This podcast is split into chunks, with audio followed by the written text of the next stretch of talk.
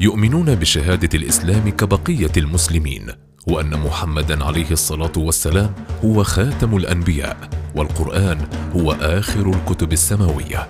بينما يشتركون مع الشيعة في اعتقادهم بأن علي بن أبي طالب هو الإمام خليفة الرسول. لكن اختلفوا معهم وانشقوا إلى جماعة الإسماعيليين ونشروا الدعوة بفكر السفسطه فما هي الدعوة ومعتقدات الإسماعيليين وطريقة نشرها؟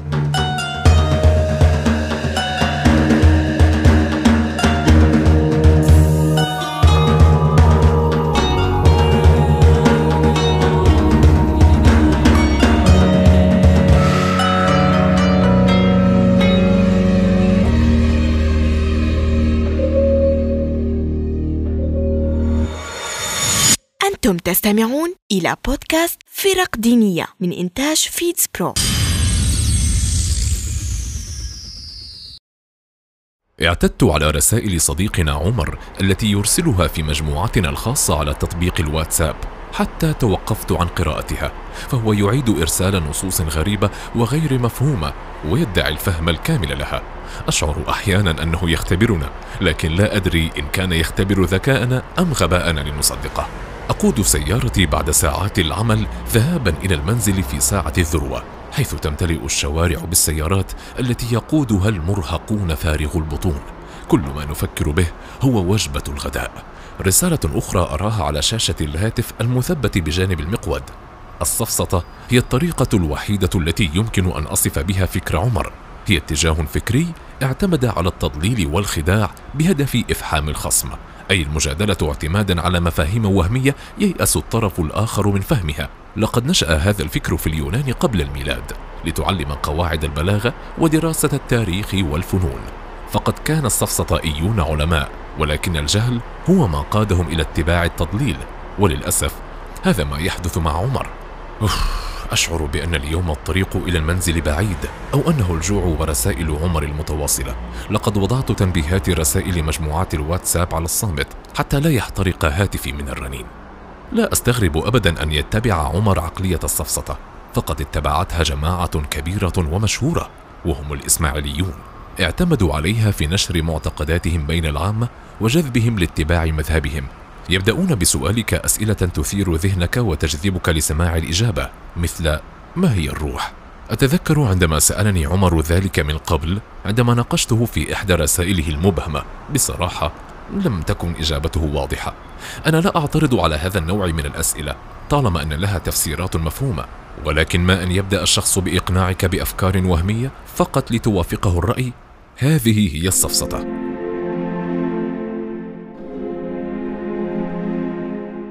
الإسماعيليون فرقة شيعية نشأت في القرن الثاني الهجري انشقت واختلفت مع الشيعة بعد وفاة الإمام السادس جعفر الصادق سنة 248 للهجرة وبدأ الاختلاف بين من يتولى الإمامة هل هو الابن الأكبر إسماعيل أم الابن الأصغر موسى الكاظم؟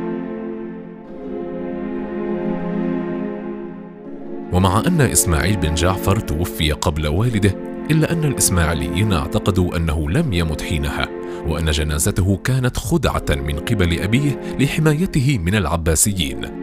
لذا فقد اعتبروا إسماعيل هو الأحق بالإمامة واعتبروه من الأئمة المستورين أي الذين يتنقلون سرا لنشر الدعوة. ومنه جاءت تسمية الإسماعيليين. ولكن نسبة لعدم تواجده فقد أثبتوا الإمامة لابنه محمد بن إسماعيل. حيث يعتقدون أن إسماعيل أوصى بالإمامة إلى ابنه وبموافقة والده جعفر الصادق. الشيعة هم أتباع علي بن أبي طالب رضي الله عنه ابن عم الرسول محمد عليه الصلاة والسلام وزوج ابنته فاطمة الزهراء. يؤمنون بأن بعد وفاة النبي عليه الصلاة والسلام الإمام علي بن أبي طالب هو الخليفة. وتنحصر الإمامة في نسله. الإسماعيلية هي ثاني أكبر فرقة في الشيعة بعد فرقة الاثنى عشرية التي اتبعت موسى الكاظم ولم تصدق بأن إسماعيل ما زال حيا كما ادعى الإسماعيليين. يؤمن الإسماعيليون بالله تعالى وأن القرآن هو آخر الكتب السماوية ومصدر التشريع. ولكن يختلفون في التفسير حيث تعتمد عقيدتهم على فكرة أن لكل شيء ظاهر وباطن فلا يأخذون بظواهر التشريع ويرون أن الحقيقة في باطنه ولا يعلمها سوى الأئمة. إن أصل معتقدات الإسماعيلية وسائر الفرق الباطنية واحد وهي دعوة تقوم على أساس فكرة وجود الإمام المعصوم من آل البيت من نسل محمد بن إسماعيل بن جعفر الصادق. وأن إمام الزمان هو الوحيد الذي يستحق الولاية والحكم وهي ذات دعوة المهدية. ثم إن للقرآن ظاهرا وباطنا وبالتالي فإن للدين والشريعة حقائق ظاهرة وباطنة. ولا يعلم الباطن وتفسيره وتأويله إلا الإمام والإمام مستور حتى تظهر دعوته. ودعاته ونقباؤه نواب عنه يقومون بأمره في غيبته. وهذه العصمة المزعومة ودعوة المعنى الباطني للنص فتحت باب تأويل القرآن والأحكام تبعا للهوى. ومن هنا دخلت شتى العقائد المنحرفة والفلسفات الغريبة من غنوصية وحلول وتناسخ وغيرها في معتقدات الفرق الباطنية. ومنهم من رفع مقام الإمام وأضفى عليه صفات أقرب لمقام الألوهية. ومنهم من أسقط التكاليف والشرائع بتأويلات باطلة منحرفة. كأن يكون الصيام مثلا هو حفظ السر أو ما شابه ذلك. وقد أعطى هؤلاء الدعاة والنقباء لأنفسهم سلطة التأويل والعصمة كونهم نوابا عن الإمام في غيبته. وأوهموا السذج من أتباعهم أنهم الباب للإمام. وعلى الأتباع الطاعة طاعة عمياء لأن التشكيك يتنافى مع صحة الإيمان بالإمام وتعاليمه وتأويلاته. آه. أخيرا وصلت إلى المنزل وبطني تكاد تنطق وتحدثني عن الجوع ودرجاته. فلكل شيء في هذه الحياة درجات. ابتداء من الشعور بالجوع إلى أصوات غمغمة نعرفها بمقولة عصافير بطن تزقزق إلى أن نصل لأعلى درجة وهي الصداع والغضب من شدة الجوع. والحمد لله لم أصل لهذه الدرجة. ازدهرت العقيدة الإسماعيلية تحت قيادة عبد الله بن ميمون. الذي عمل على تأسيس ونشر الدعوة وفقا لمفهوم الدرجات أي التدرج. تبدأ الدرجة الأولى بمفهوم السفسطة الذي لا يعتمد على أي تفسيرات واضحة والهدف منه إثارة الحيرة. وبالتالي الحماس لفهم المواضيع التي يتم طرحها. ومن هنا يدعون الناس لأخذ العهد حتى يكشفوا لهم الأسرار. ثم يتدرجون في توضيح مبدأ أحقية علي بن أبي طالب بالإمامة وحصرها في نسله. وهكذا إلى أن يصلوا إلى اعتقادهم باستمرارية الوحي في الأئمة المعصومين والاختلاف في العبادات. ومن هنا يجد المتبع نفسه خرج عن شريعة الإسلام.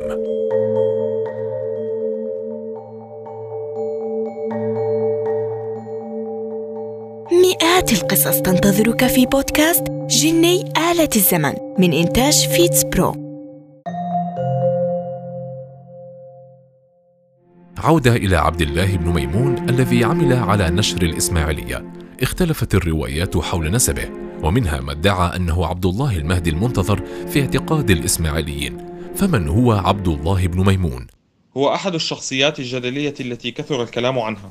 ففي حين يعتبره معظم علماء المسلمين ومؤرخيهم بأنه الرجل الدعي الأفاق الذي ادعى نسبا مكذوبا لآل البيت وادعى المهدوية وتسمى عبيد الله المهدي. وخرج من جنوب فارس مرورا بالعراق والشام ثم ارتحل إلى شمال إفريقيا وأسس الدولة الفاطمية التي امتدت من المغرب إلى مصر والشام. ولذلك يسمونها الدولة العبيدية نسبة إلى عبيد الله المهدي هذا والذي يرجعون نسبه الحقيقي إلى أصول يهودية وفارسية. ويرى البعض الآخر من علماء المسلمين ومؤرخيهم كالعلامة ابن خلدون والعقاد في العصر الحديث صحة نسب عبيد الله المهدي مؤسس الدولة الفاطمية إلى محمد بن إسماعيل بن جعفر الصادق فبالتالي لا علاقة له بعبد الله بن ميمون هذا. أما الشيعة فتعتبر عبد الله بن ميمون شخصا آخر وهو عندهم من أعلام الرواة الثقات وكان مقيما في مكة وهو من موالي بني مخزوم وقد ذكر الذهبي ترجمته في سير أعلام النبلاء. وبصرف النظر عن أصل عبد الله بن ميمون القداح وعن كونه هو نفسه عبيد الله المهدي أو غيره. فالذي يهمنا أن نعلم أن ادعاء المهدوية كان دوما مطية لمن أراد أن يطلب الملك والحكم بدعوى مظلومية آل البيت والرضا من آل محمد.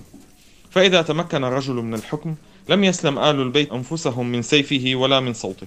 يروى أن المعز لدين الله الفاطمي حين دخل القاهرة اجتمع إليه في حفل استقباله وفد من أشراف مصر وعلمائها. وكان فيهم أحد أشراف آل البيت المقيمين في مصر. فقال للمعز من أي آل البيت مولانا؟ فتغير وجه المعز فأخذه من يده ودخل غرفة جانبية في القصر.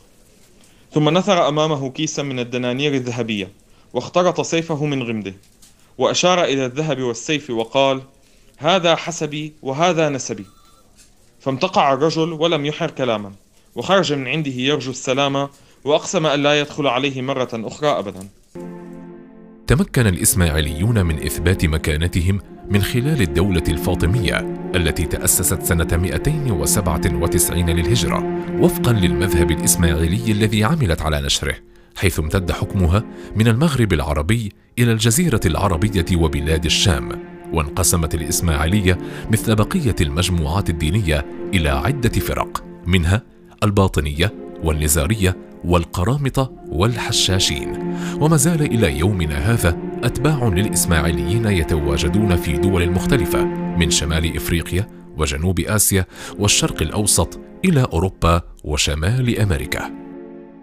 آه الآن بعد أن تناولت وجبة الغداء واستلقيت على سريري بإمكاني قراءة رسائل الصفصة من عمر أعتقد أني سأخبره بهذه القصة عندما أراه لاحقا في المقهى. أتوقع أن يغتاظ مني بينما نطلق عليه لقب الصفصطائي